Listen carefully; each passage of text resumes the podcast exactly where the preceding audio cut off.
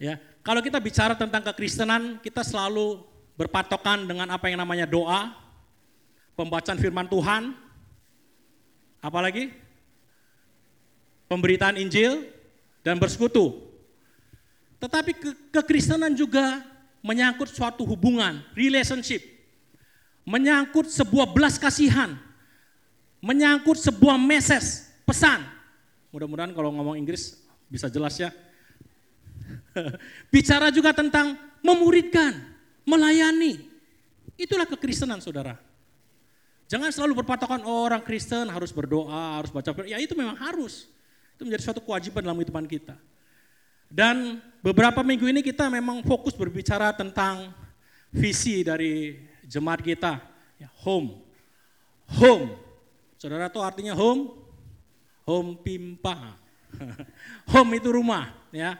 Home pertama, H yang pertama itu honor, betul ya. Bagaimana kita menghormati Tuhan, bagaimana kita juga menghormati sesama kita. Yang kedua, beberapa minggu yang lalu, Payan bagikan tentang ownership. Bagaimana kita melepaskan kepemilikan dalam kehidupan kita. Ya, kita tidak merasa semuanya rasanya kok punya kita. Ya, itu bicara tentang yang bungsu dan yang sulung. Pak Jul kemarin bagikan tentang mercy, belas kasihan.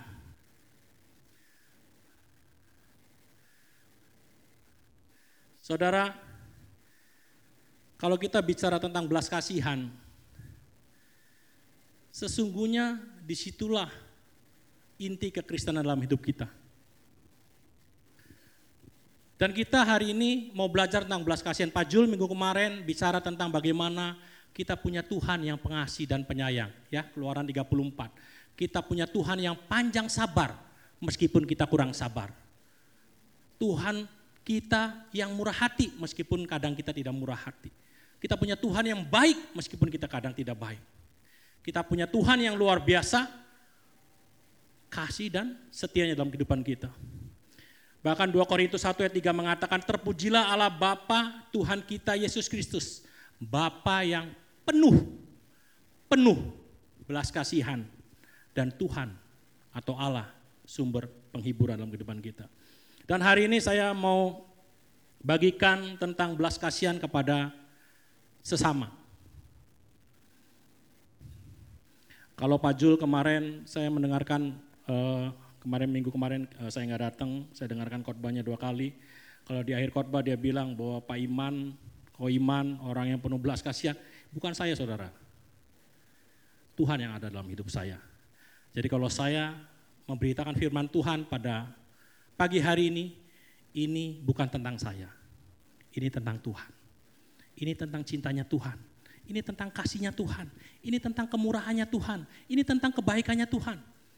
It's about all God. It's about God.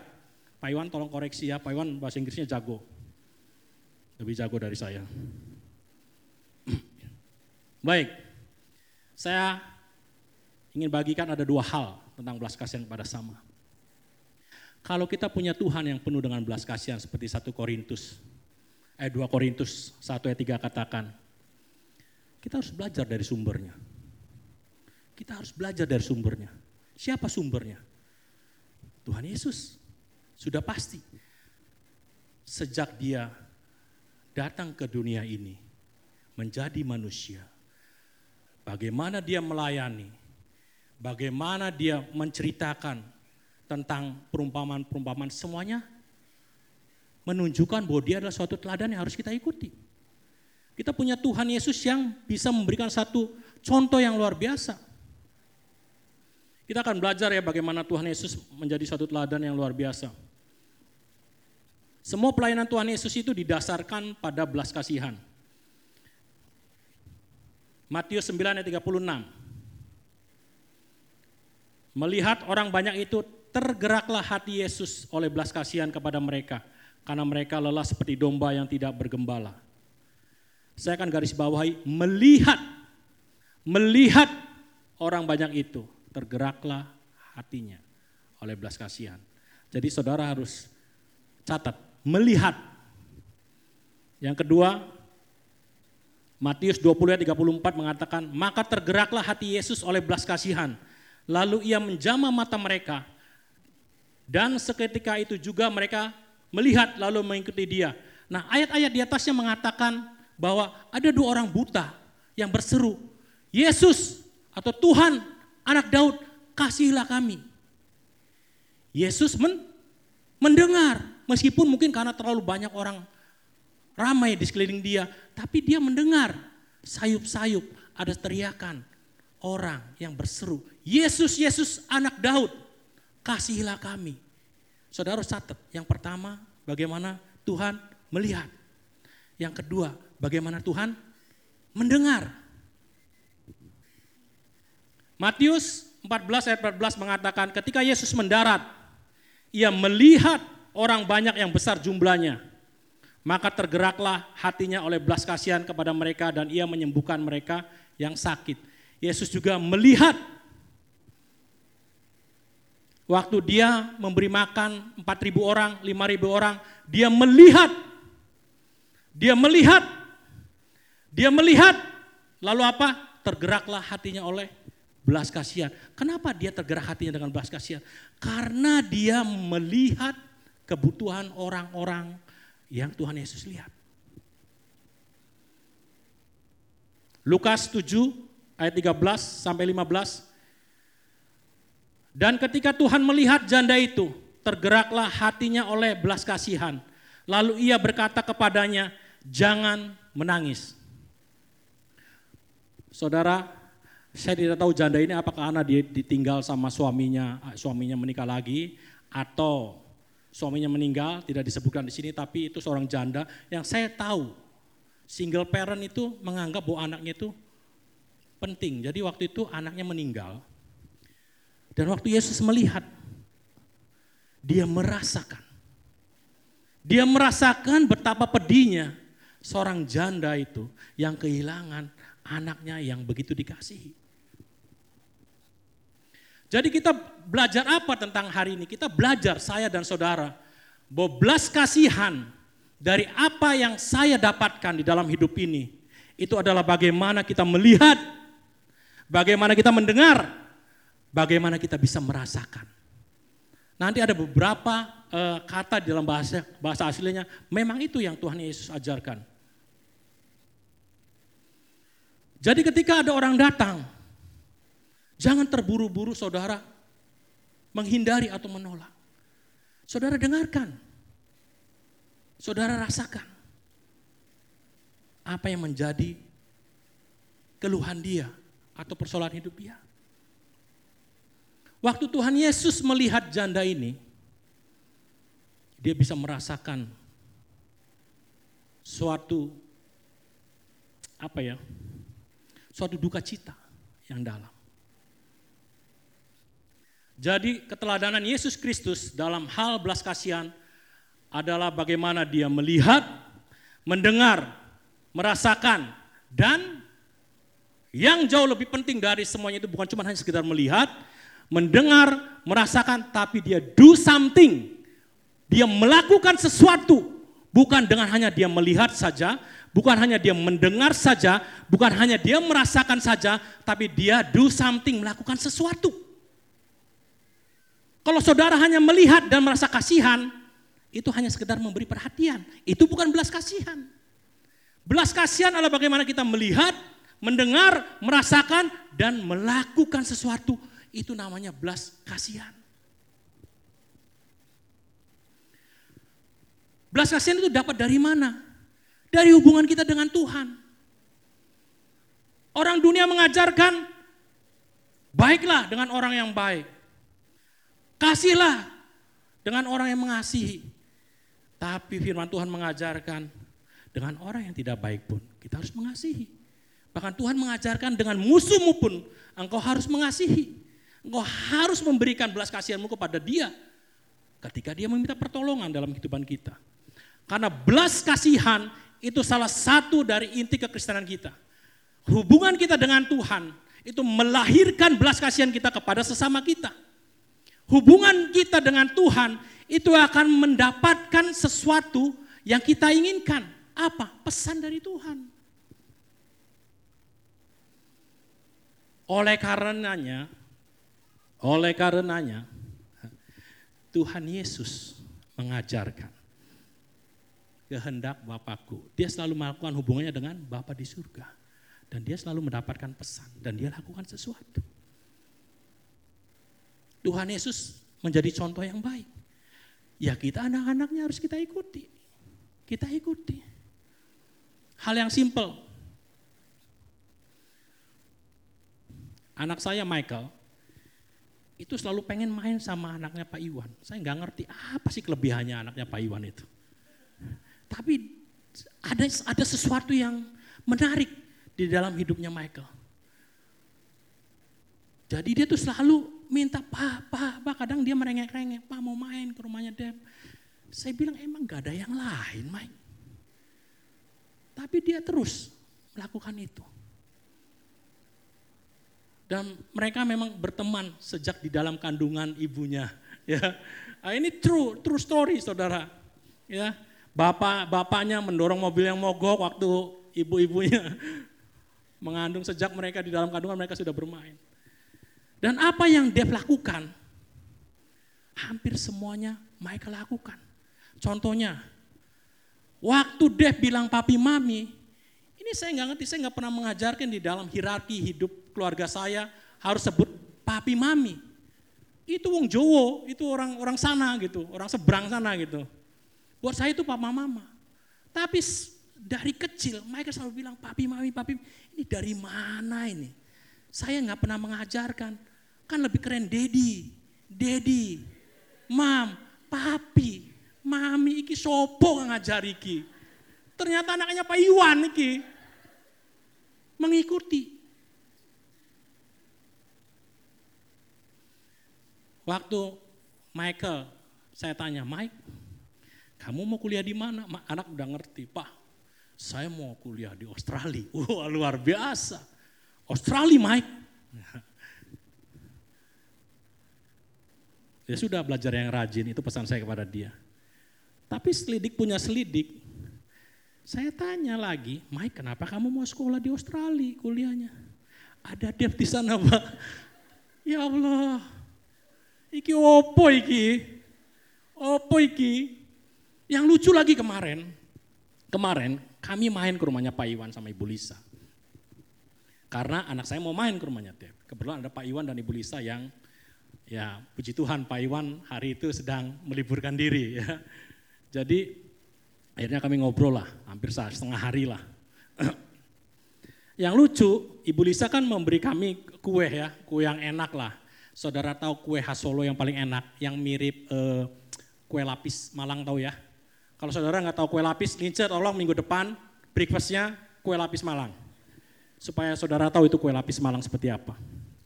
Michael itu tidak pernah mau makan yang namanya kue itu, namanya mandarin ya, mandarin ya.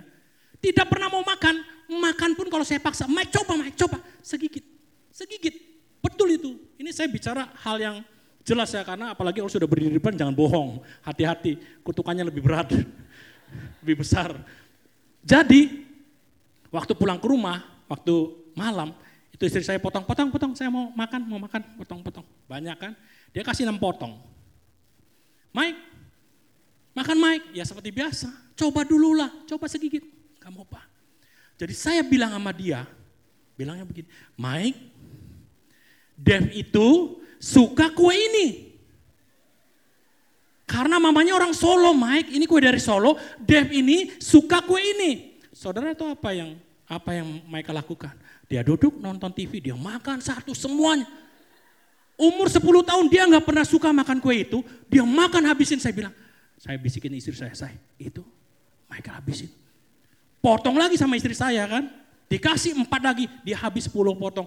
Itulah Hebatnya, hebatnya apa? Deaf. Jadi gini, saya mengambil satu ilustrasi yang baik. Bahwa kalau seorang anak aja bisa punya daya tarik, bisa mempengaruhi hidup seseorang. Siapa kita kalau kita tidak mau mengikuti Tuhan kita yang jauh lebih luar biasa daripada deaf.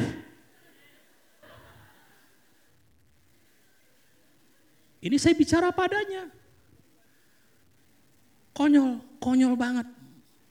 Jadi seorang dia bisa mempengaruhi anak saya demikian rupa. Pak Iwan nanti kalau saya terbatas amit-amit ya finansialnya, Pak Iwan bantu anak saya kuliah di Australia. itu gara-gara anak kamu itu. Bukan ya karena Dep yang sekolah di Australia. Saya lagi berpikir kalau Dep sekolah di Indonesia, apakah Michael? Kayaknya saya nggak tahu ya. Memang hidup itu penuh misteri. Kita nggak pernah tahu ke depannya seperti apa. Ada satu contoh menarik lagi. Pak Iwan itu nggak suka kopi. Saya juga nggak suka kopi.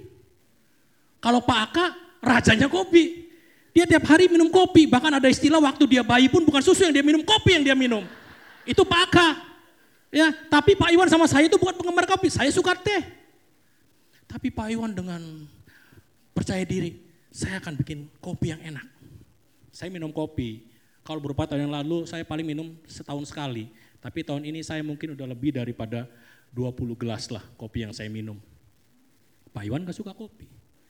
Istri saya suka kopi. Dia bikin kopi. Dia selalu gayanya itu kan memang orang kayak Pak Iwan, Pak Jul itu kan biasanya omongannya tuh ada sedikit bual-bualnya gitu loh. Bual-bual tau ya, bohong-bohong itu. Saya punya teknik yang melebihi barista segala macam. Dia suguhin kopi, kasih susu. Saya bilang semua kalau kasih susu pasti enak, manis kan. Saya nggak suka minum kopi pakai susu. Istri saya minum kopi pakai susu. Akhirnya jadilah dua gelas kopi buat istri saya dan saya. Pak Iwan tuangnya sedikit banget gitu. Memang harusnya begitu, jangan banyak-banyak kalau nggak enak kan saya nggak akan habisin. Jadi dia tuangnya sedikit. Saudara, ini saya bukan mau muji Pak Iwan, apalagi saya bukan orang yang suka basa-basi. Selama saya minum kopi, ini kopi yang paling enak pernah saya minum. Saya nggak ngerti, tapi dia karena memang dia gaya, ini karena teknik, teknik, teknik, teknik. Teknik ndasmu teknik. Lu wong kowe nggak suka kopi kok ngomong teknik, teknik. Tapi saya dapat pelajaran. Apa? Saya bilang, kalau kita melakukan sesuatu dengan hati, bikin kopi pun dengan hati, maka kopinya itu kayak kopi luwak nomor satu di dunia enak eh. Ini Pak Iwan, jadi yang komsel-komsel nanti kalau komsel selasa depan jangan lupa minta racikan kopi Pak Iwan. Demikian juga dengan belas kasihan. Jangan kita merasa tidak mampu, jangan merasa kita terbatas, tapi waktu kita melakukannya dengan hati, waktu kita melakukannya dengan hati yang didorong karena pekerjaan Tuhan dalam hidup kita, maka yang terbaik yang akan dihasilkan. Kita selalu bilang uang saya tinggal 20 ribu, bagaimana saya bisa membantu orang yang sakit. Hei, 20 ribu itu bisa dipakai buat transport gojek dari sini ke rumah sakit Boromius. Betul tidak? Itu membantu. Jangan selalu berpikir saya terbatas, saya tidak punya apa-apa. Saya tidak ada apa-apa. Itulah yang Tuhan ajarkan. Dia melihat, dia mendengar, dia merasakan, dan dia melakukan sesuatu. Saya mau khotbah dua jam ya karena saya jarang khotbah setahun kadang dua kali tiga kali. Oh nggak ada Pak Jul, Pak Pak Andi, Pak Iwan, eh Pak Iwan, Pak Ian semuanya pada pergi, Pak Denny juga pada pergi semua karena mereka takut waktu saya membagikan firman Tuhan. Jadi mereka udah pada pergi semua. Saya minta dua jam Pak Yosef. Mohonlah kita kan sama-sama orang Cirebon.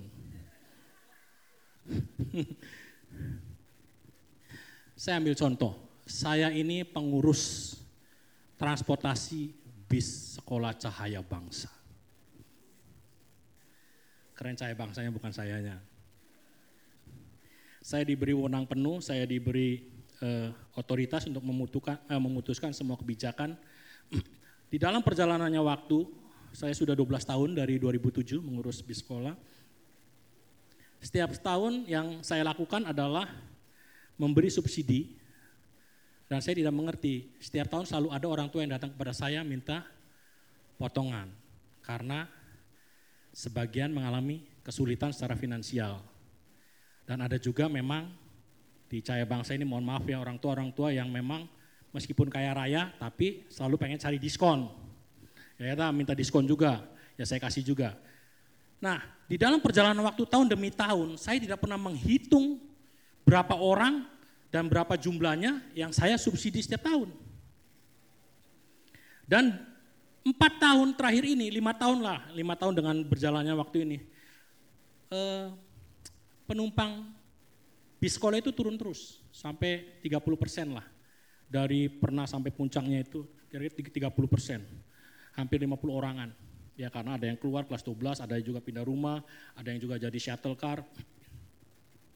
Jadi saya nih coba iseng-iseng nih. Ini pertama kali selama saya ngurus bis sekolah, saya hitung berapa orang yang saya subsidi ya. Saya hitung jumlahnya. Saya, saya cukup kaget juga, 12 orang. Dari 100, jadi 12 persen. Banyak lah kalau menurut saya. Waktu saya hitung jumlahnya, untung saya nggak jantungan ya. Saya hitung jumlahnya, oh si A dapat subsidi ini, si B dapat subsidi ini, oh ada yang bayar 50 persen, ada yang bayar 10 persen. Iya betul ini saya cerita, ada yang bayar 10 persen, ada beberapa yang memang tidak bayar dan saya tahu memang dia mengalami kesulitan. Dan itu jumlahnya hampir 40 persen dari apa yang saya dapatkan dari bis sekolah. Saya nggak cerita sama istri saya kemarin, kalau saya cerita takut dia shock.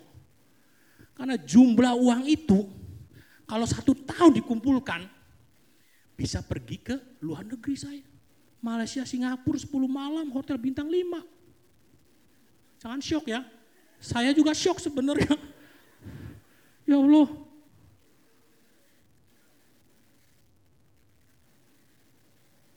Dan itu belum termasuk subsidi-subsidi yang saya tiap tahun lakukan kepada beberapa anak sekolah dari SD sampai kuliah. Kalau itu saya saya iseng-iseng lah, saya penasaran berapa subsidi yang kira-kira saya berikan selama satu tahun. Yang sudah real ya, tidak termasuk waktu saya memberi kepada orang sakit, orang yang mendadak beri itu bukan. Waktu saya hitung-hitung, hitungnya di sekolah loh saya. Saya sampai merinding saya. Ternyata uang yang satu tahun itu bisa buat pergi ke Jepang loh saya. Ya Allah. Kita menikah, 11 tahun tidak pernah sekalipun keluarga saya pergi ke luar negeri. Tidak pernah. Maksudnya dalam keluarga ya. Kalau istri saya pernah ke Thailand selama menikah dengan saya 11 tahun. Saya pernah satu kali ke luar negeri, ke Timor Leste, luar biasa. Negara yang indah. Jadi akhirnya memang tahun ini saya sering diskusi dengan istri saya, kita tahun depan kita pergilah, kita pergilah bikin paspor lah. Paspor kami udah mati, anak udah mati itunya, berlakunya anak saya belum punya semua. Jadi tahun depan kita merencanakan mau pergi ke Malaysia dan kalau Tuhan izinkan ke Jepang. Kalau ada orang-orang yang mau nyumbang silakan setelah pulang kebaktian ya. Jadi keluarga kami ingat mau pergi ke Malaysia dan mau pergi ke Jepang tahun depan. gembala eh gembala pengkhotbah gelo katanya cari duit di depan mimbar tapi itu mengembalikan apa yang sudah saya beri kepada orang-orang yang disubsidi, saudara. Yang lucunya, memang kayaknya sudah ada kisi-kisi. Ada satu orang, orang yang sama memberi satu uang kertas ringgit, saya kemarin cek 50 ringgit, dan dia juga di waktu yang lain memberikan satu lembar uang Jepang, yen, seribu yen. Cukup buat makan Yoshinoya di sana. Dan itu buat saya wah peneguhan. Biasa pembenaran diri, oh peneguhan. Nah apa ya, balik lagi, apa yang saya kerjakan? Waktu saya mendapatkan hal ini, ya saya bersyukur kalau hidup saya boleh menjadi berkat buat orang-orang yang membutuhkan. Karena setiap orang yang meminta subsidi datang kepada saya bahkan menangis ya banyak hal yang saya bisa kerjakan dalam hidupan dia, saya bisa menceritakan tentang Tuhan.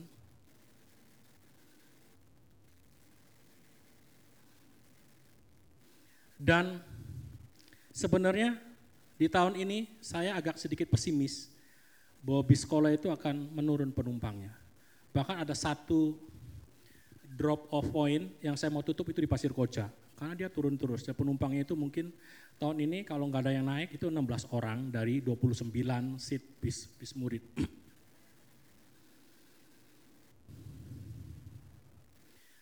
Dan biasanya setelah deadline deadline apa eh, pendaftaran terakhir itu maksimal itu dari tahun ke tahun hanya dua orang lah yang akhirnya ikut bis sekolah lagi setelah deadline-nya. Ikut-ikut. Tapi saudara tahu nggak, tahun ini buat saya menjadi tahun anugerah. Saya hitung-hitung setelah deadline ya, bukan total murid yang baru yang naik bis. Setelah deadline itu jumlahnya 12 orang. Nah, saya nggak usah kasih tahu berapa jumlah, eh berapa biaya naik bis. Kalau saudara tahu nanti saudara terkejut. 12 orang. Saya 12 tahun, saya tadinya nggak percaya dengan yang namanya hitungan-hitungan klinik-klinik klinik ya hitungan-hitungan mistik gitu. Saya 12 tahun ngurus bis, ya kan? 12 anak baru setelah deadline, 12 persen dari jumlah anak yang naik bis. Tahun depan, sayang, kita usia pernikahannya 12 tahun, 12, 12, 12, 12. Mana ya satunya hilang ya? Saya tadinya pikir karena penting gak ceritain begini-begini ya di depan jemaat. Gak apa-apa kalau semuanya untuk kemurahan, untuk kemuliaan Tuhan gak apa-apa kasih tahu aja. Semuanya 12. Murid Tuhan Yesus juga 12.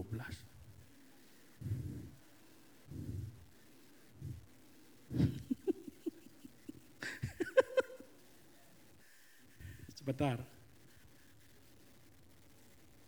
Cakep nggak saudara saya? Cakep nggak?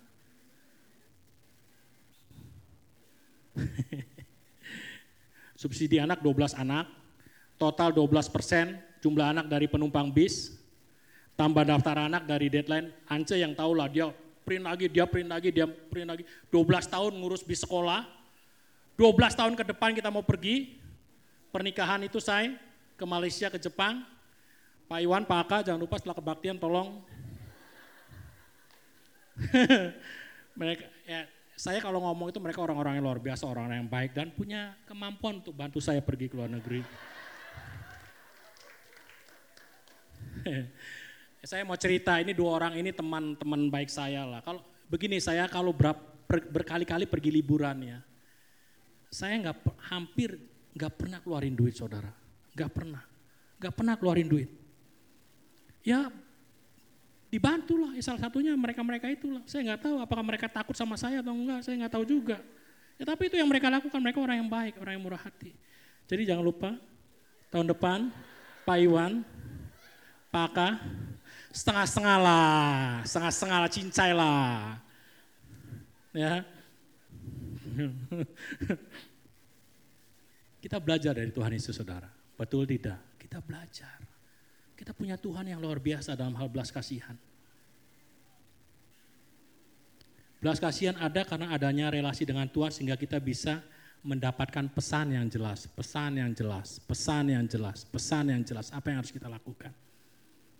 Jumat kemarin ada suami istri minta ketemu sama saya, yang memang dia mengalami keterbatasan finansial, dia ketemu, saya bingung karena dia itu hamba Tuhan, saya merasa bahwa level kerohanian saya tidak setinggi mereka. Jadi saya suka bingung apa yang harus saya lakukan. Tapi saya kasihan dengan mereka. Jadi yang saya lakukan adalah saya berdoa, Tuhan tolong beri hikmat kepada saya, urapi setiap perkataan saya, dan tolong sampaikan apa yang kau ingin mau katakan. Yang Tuhan ajarkan dalam hidupan saya waktu saya bawa dalam doa. Dia bilang kamu diam saja kamu dengar saja. Biar mereka mutusin, kamu dukung semua apa yang mereka putuskan. Jadi itu itu message-nya pesannya jelas buat buat hidup saya. Saya bingung, saya bawa dalam doa, kamu diam saja, kamu dengari saja, kamu dukung dan kamu eh, apa ya? Ya sepakatlah dengan apa yang mereka putuskan. Jadi kami ketemu, kami ngobrol satu jam lebih. Mereka putuskan sesuatu yang cukup berat dalam kehidupan mereka. Nah, saya bilang saya dukung. Anaknya mau pindah sekolah. Jadi saya bilang saya mohon maaf keuangan saya terbatas, tapi saya mau bantu untuk uh, biaya masuk sekolahnya. Jadi ketika seorang hamba Tuhan bisa meneteskan air mata, apalagi seorang laki-laki, saudara, kalau saudara mau saya beri, terutama untuk laki-laki, menangislah di depan saya, saudara. Minimal saya kasih permen. Laki-laki itu berat. Waktu saya interview ya, banyak orang di setara. enam dari sepuluh laki-laki yang saya interview meneteskan air mata. Istri-istri, kasihilah suamimu. Dia bekerja untuk memberi nafkah. Jangan pulang malam dibilang kamu ngelayap ke mana. Pulang siang, kamu nggak kerja. Bawa pulang uang sedikit, kamu bisa kerja enggak? Bawa pulang cukup, kurang cukup buat liburan. Kasihan. Istri-istri, sayangi suami kalian. Bahkan mungkin aja di dalam kamar suami-suami sedang meneteskan air mata. Menanggung bebannya. Seperti saya sayang. Kapan kita bisa pergi ke luar negeri? Istri saya luar biasa. Enggak, saya ingin lebih banyak kesaksian supaya saudara bisa menangkap semua intisari. Dan sekali lagi apa yang saya bagikan, apa yang saya saksikan itu bukan tentang saya. Bukan tentang kebaikan saya, bukan tentang kemurahan hati saya, bukan itu karena Tuhan hidup dalam hati saya. Ini semua tentang Tuhan. Saya berdoa pagi ini biar kita dipenuhi dengan belas kasihan dan saya berdoa yang kedua bahwa semuanya bukan tentang saya Tuhan, semuanya tentang Tuhan. Itu tentang kemurahan Tuhan, tentang kebaikan Tuhan. Saya menceritakan bahwa ada dalam fase hidup kami sebagai suami istri, itu kami terbatas dalam hal keuangan. Bahkan pernah dalam satu masa, Sabtu dan Minggu, istri saya ini luar biasa. Dia masak, setiap kita mau pergi ke mall atau pergi ke gereja, dia masak itu buat anak-anaknya. Dan waktu kami selesai kebaktian atau pergi ke mall, kami kalau makan, kami cari makan yang banyak, supaya kami bisa bagi dua, kami bawa air yang banyak, supaya kami pesanan selalu minum satu. Di masa-masa itu, setelah kebaktian, yang saya suka itulah kalau kami makan di Eat Boss, tau Eat Boss sebelah sini? Nasi gorengnya banyak, bisa bagi dua, teh manisnya atau teh tawarnya banyak, bisa bagi tiga. Betul, itu yang paling murah. Tetapi saya mau kasih tahu kepada kita semua, di dalam masa-masa sulit finansial itu, kami selalu berbagi, kami selalu memberi. Kami selalu melihat, mendengar, dan merasakan dan melakukan sesuatu. Bahkan berkali-kali yang kami lakukan, kami menghabiskan uang kami, kami membagi tabungan kami yang seharusnya mungkin untuk pergi liburan atau buat anak masuk sekolah, dan kami selalu berikan kepada orang-orang yang membutuhkan. Bahkan dari berapa, mungkin udah lama ya, 5-6 tahun. Setiap bulan kami menyisikan, kami lihat, kami dengar siapa yang perlu dibantu. Kami kasih, kami kasih, kami kasih, kasih, kami kasih. Ya ada beberapa juga di dalam jemaat, banyak juga di luar jemaat. Itu yang kami lakukan. Saya terus terang sedih kadang. Waktunya mau pergi main, uangnya dipakai untuk bantu orang. Tapi saudara, Amsal mengatakan, ketika kita berbelas kasihan kepada orang yang lemah, itu memiutangi Tuhan dan Tuhan akan membalaskannya pada saat itu juga. Jadi kalau yang saya katakan tadi, kami pergi liburan, kami banyak dibayari, itu karena kemurahan Tuhan. Karena dari apa yang kami kerjakan. Belas kasihan itu melahirkan suatu mujizat dalam kehidupan kita. Itu betul. Saudara kalau lihat pelayanan Yesus, semua mujizat yang Yesus lakukan diawali oleh kata belas kasihan. Tergeraklah hatinya oleh belas kasihan dan bla bla bla terjadilah sesuatu. Yang buta bisa melihat. Empat ribu orang, lima ribu orang. Yang lumpuh bisa berjalan. Yang mati bisa dibangkitkan. Itu karena ada belas kasihan. Belas kasihan itu mengalahkan logika kita. Jangan sering-sering pakai otak kita untuk melawan belas kasihan. Karena ini pernah saya alami, begitu saya mikir orang ini begini, nanti uangnya dipakai begini, nanti akhirnya begini, nggak jadi saudara, kita bantu. Ketika logika kita memimpin hidup kita, bukan berarti kita nggak nggak boleh berlogika, boleh, kalau enggak nanti kita dianggap orang gila. Boleh. Tapi belas kasihan itu harus menang atas logika. Bagaimana mungkin 4.000 orang, 5.000 orang hanya berapa? Lima roti dan logikanya di mana? Saya pengen cari ilmuwan, orang-orang pinter yang terkenal, gimana caranya lima roti, dua ikan dipotong jadi lima ribu orang plus belum anak-anak dan para wanita. Coba cari pisau yang paling tipis sedunia dan akhirat. Potong itu ikan, potong itu roti, bagi lima ribu. Bisa nggak? Gak akan bisa saudara. Itu bisa dilakukan, itu bisa terjadi karena apa? Karena ada yang namanya belas kasihan.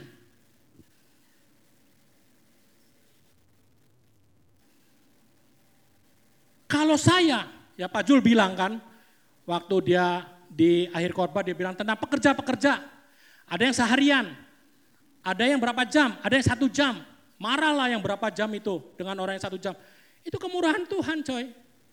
Itu belas kasihan Tuhan. Di mana Tuhan mau menaruh belas kasihan? Ya kepada orang itu, ya sudah. Di mana Tuhan mau menaruh kebajikan? Ya sudah lakukan. Jangan merasa Tuhan gak adil. Semua nggak adil, semua nggak adil. Saya juga merasa hidup nggak adil. Saya ini orang pinter coy. Juara umum Pak Iwan. Ranking satu. Pak Iwan suka gitu kalau saya ngomong. Memang realitanya saya punya piagamnya Pak Iwan. Pak Iwan, tolong habis pulang ini traktir saya makan Pak Iwan. Saya dulu kesel saudara. Ya meskipun sekolah orang selalu mengejek saya sekolah siang, sekolah apalah, semak dua apa, I don't care. Yang penting saya juara satu, saya juara umum coy, saya orang pinter. Kadang saya merasa begini, saya seharusnya kuliah. Betul tidak? Saya seharusnya bisa kuliah dibandingkan orang-orang yang pinternya pas-pasan. Tapi mereka bisa kuliah. Saya kesel, pernah marah juga, kenapa kok rasanya nggak adil.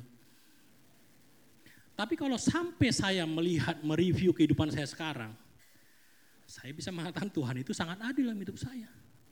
Bahkan orang-orang S2, S3, lulusan sekolah terkenal, mungkin mohon maaf kelihatannya rada sombong, penghasilannya nggak lebih besar dari saya. Ya ile, 2M coy, satu bulan. Mayuan. Nih, saya kasih tahu gereja itu ya, jangan terlalu banyak serius, nanti banyak yang mati saudara. Jadi kalau pengkorbannya serius terus dari awal, udah saudara pulang aja pergi. Ada kehidupan sukacita. Tuhan bilang bergembiralah, bersukacita. Tapi jangan bergembira terus saudara, karena begitu bergembira terus nanti sisanya berduka.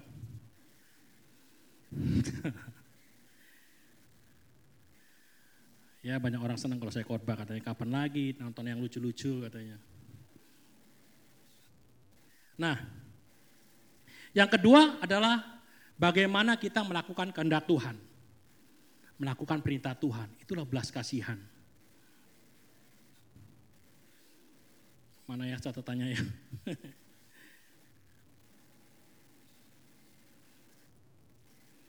Saudara tahu cerita orang Samaria enggak? banyak sering dengar lah ya. Seorang ahli Taurat atau ahli Farisi mengatakan, Tuhan bagaimana caranya supaya saya memperoleh hidup yang kekal? Ya lakukan. Apa yang seperti hukum Taurat lakukan? Kasihlah Tuhan Allahmu dengan segenap hatimu, kekuatanmu, jiwamu, dan kasihlah sesamamu manusia. Dan dia katakan lagi, siapa sesama manusia itu?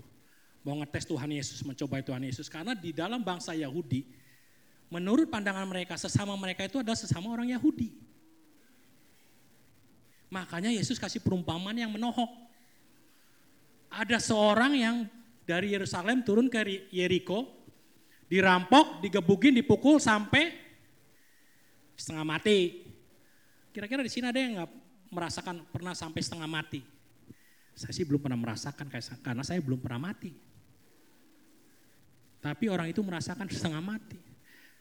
Dan diceritakan kembali ada seorang imam yang lewat.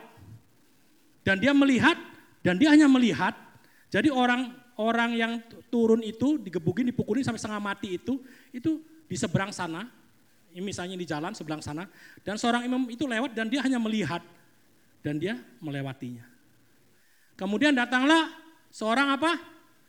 Lewi, Dia jalan, dia lihat, mungkin ada rasa takut mungkin. Jangan-jangan perangkap jebakan. Dia, akhirnya dia lewat. Kenapa Tuhan Yesus memberi perumpamaan ini? Orang-orang yang seharusnya memberi contoh di dalam hidupnya. Orang-orang yang seharusnya duduk di dalam rumah-rumah ibadah. Orang-orang Lewi itu kan diberi karunia untuk melayani Tuhan di dalam rumah ibadah, betul tidak? Seorang imam itu mempunyai satu posisi yang tinggi, jabatan yang tinggi. Seharusnya mereka melakukan sesuatu. Tetapi Tuhan Yesus katakan bahwa mereka tidak, bahkan menghampirinya pun tidak. Hanya melihat sekilas dan dia melewatinya. Dan ada seorang Samaria yang melihat dan menghampirinya. Saudara kalau saudara nanti bisa baca lah, bisa eh, eh, googling juga. Samaria sama orang Yahudi itu dari turun menurun mereka punya kebencian yang luar biasa. Bahkan suku yang paling hina dan paling dibenci oleh orang-orang Yahudi itu orang Samaria. Dianggapnya orang Samaria itu orang banci. Maksudnya banci itu setengah Yahudi bukan, ini bukan. Ya saudara bisa googling lah nanti kalau cerita saya terlalu lama. Tapi yang apa yang orang Samaria lakukan? Dia menghampiri, dia membalut, dan dia membawa. Bahkan dia memberikan dua dinar. Kalau kurang saya balik lagi, nanti saya tambahin. Seorang musuh, seorang yang tidak mungkin bisa melakukan apa yang namanya belas kasihan, bagaimana dikatakan orang Samaria itu tergeraklah hatinya oleh belas kasihan dan dia melakukan yang namanya belas kasihan. Bukan cuma hanya dia melihat, bukan cuma hanya dia mendengar rintihannya, tapi dia menghampiri, dia bisa merasakan dan dia menolong melakukan sesuatu. Itulah namanya belas kasihan. Tuhan ajarkan apa ke, ke dalam kehidupan bergereja? Tuhan tidak perlu orang-orang kudus seperti imam itu. Tuhan tidak perlu orang yang mengakunya kudus seperti orang-orang Lewi itu. Yang hanya Tuhan perlu bagaimana orang yang meskipun beda ras, beda suku, punya kebencian, bisa melakukan sesuatu itu. Tuhan mengajarkan bahwa belas kasihan itu bukan cuma hanya di gereja. Belas kasihan itu di luar sana.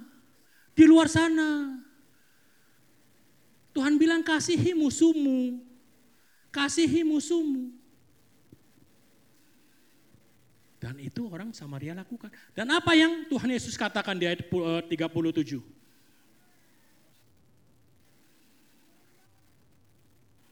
Lakukan.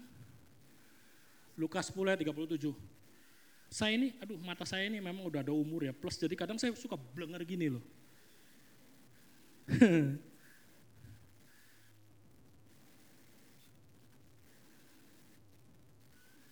Kata Yesus kepadanya, pergilah dan perbuatlah demikian.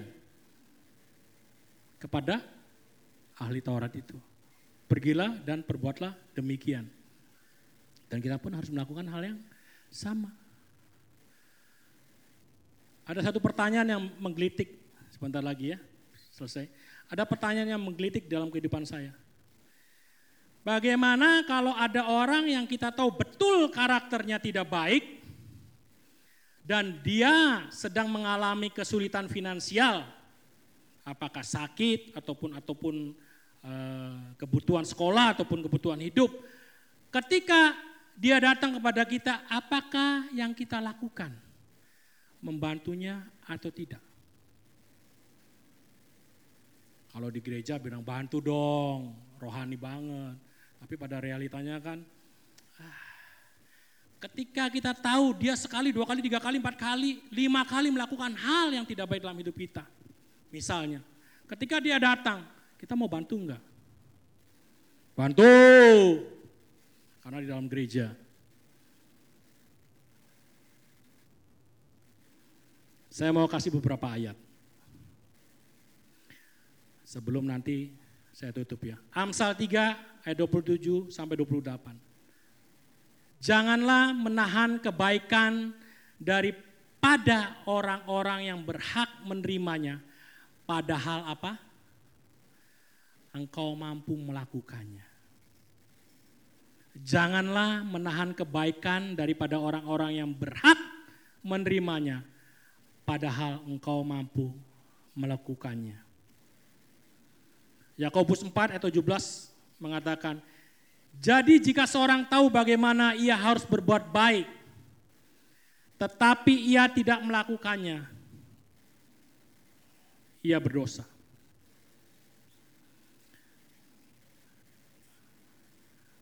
Bisa buka di Lukas 6, ini Ibu Denis dan Ibu Frida bagi di komsel, saya harus bagikan juga. Jadi intinya begini, kalau kita mengasihi orang yang mengasihi kita, dunia pun bisa lakukan, betul tidak? Kalau kita baik dengan orang yang baik, dunia pun bisa lakukan, betul tidak? Tapi firman Tuhan mengatakan di dalam Lukas 6 ayat 35 sampai 36.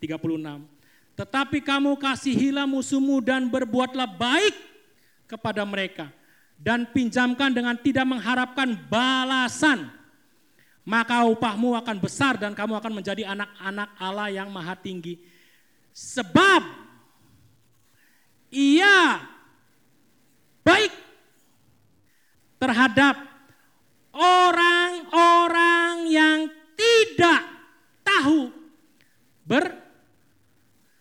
berterima kasih dan terhadap orang-orang jahat loh coy. Ini bukan bukan musuh kita lagi terhadap orang-orang jahat Tuhan. Baik, kita siapa? Kita jangan klaim kita anak-anak Tuhan. Tapi kita tidak mau melakukan hal yang baik. Janganlah menahan kebaikan daripada orang-orang yang berhak menerima.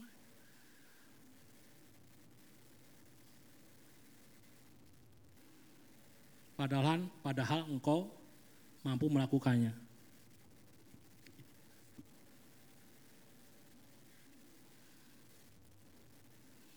Jangan hitung-hitungan saudara kalau kita mau berbuat baik.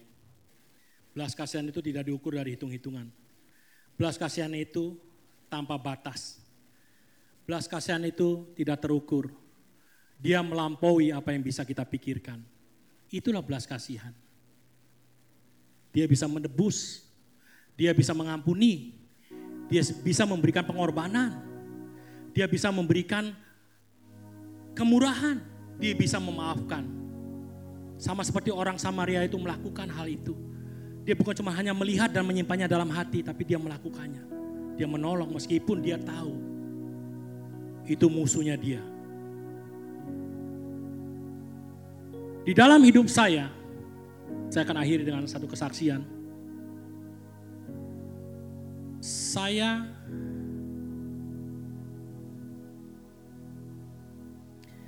Jadi begini, ada beberapa orang di dalam hidup saya, mungkin bisa tiga, empat, lima orang yang melukai hidup saya, melukai hati saya.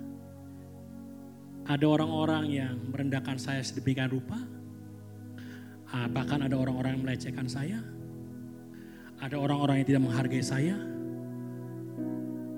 dan saya cukup terluka. Perlu waktu, perlu proses. Dan salah satunya ada orang yang di dalam hidup saya melukai hati saya. Cukup dalam, sangat dalam bahkan.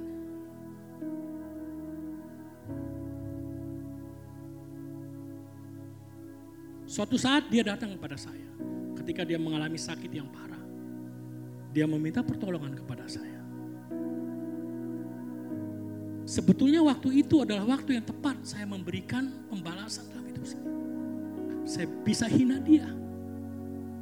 Saya bisa lakukan sesuatu untuk memuaskan sakit hati saya. Karena dia sudah melukai saya. Begitu dalam.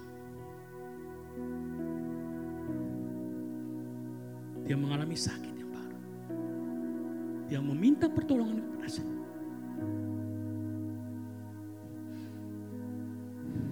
Pesan Tuhan jelas di dalam hidup saya. Di dalam keinginan saya untuk membalas semua itu. Ada suatu kata yang begitu menghancurkan setiap kesombongan saya. Kasihani dia. Kasihani. Kasihani dia.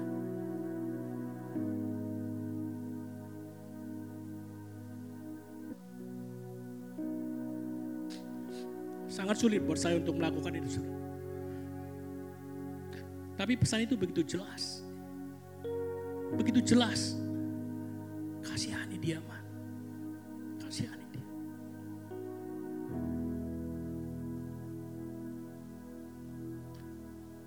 Saya bersyukur, Bu, saya nurut.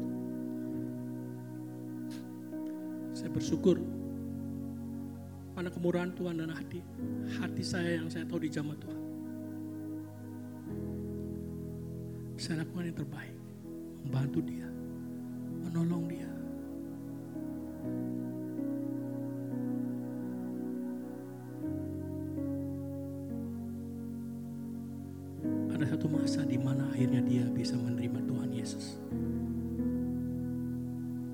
Tuhan dan Juru Selamat. Dan satu demi satu keluarganya diselamatkan.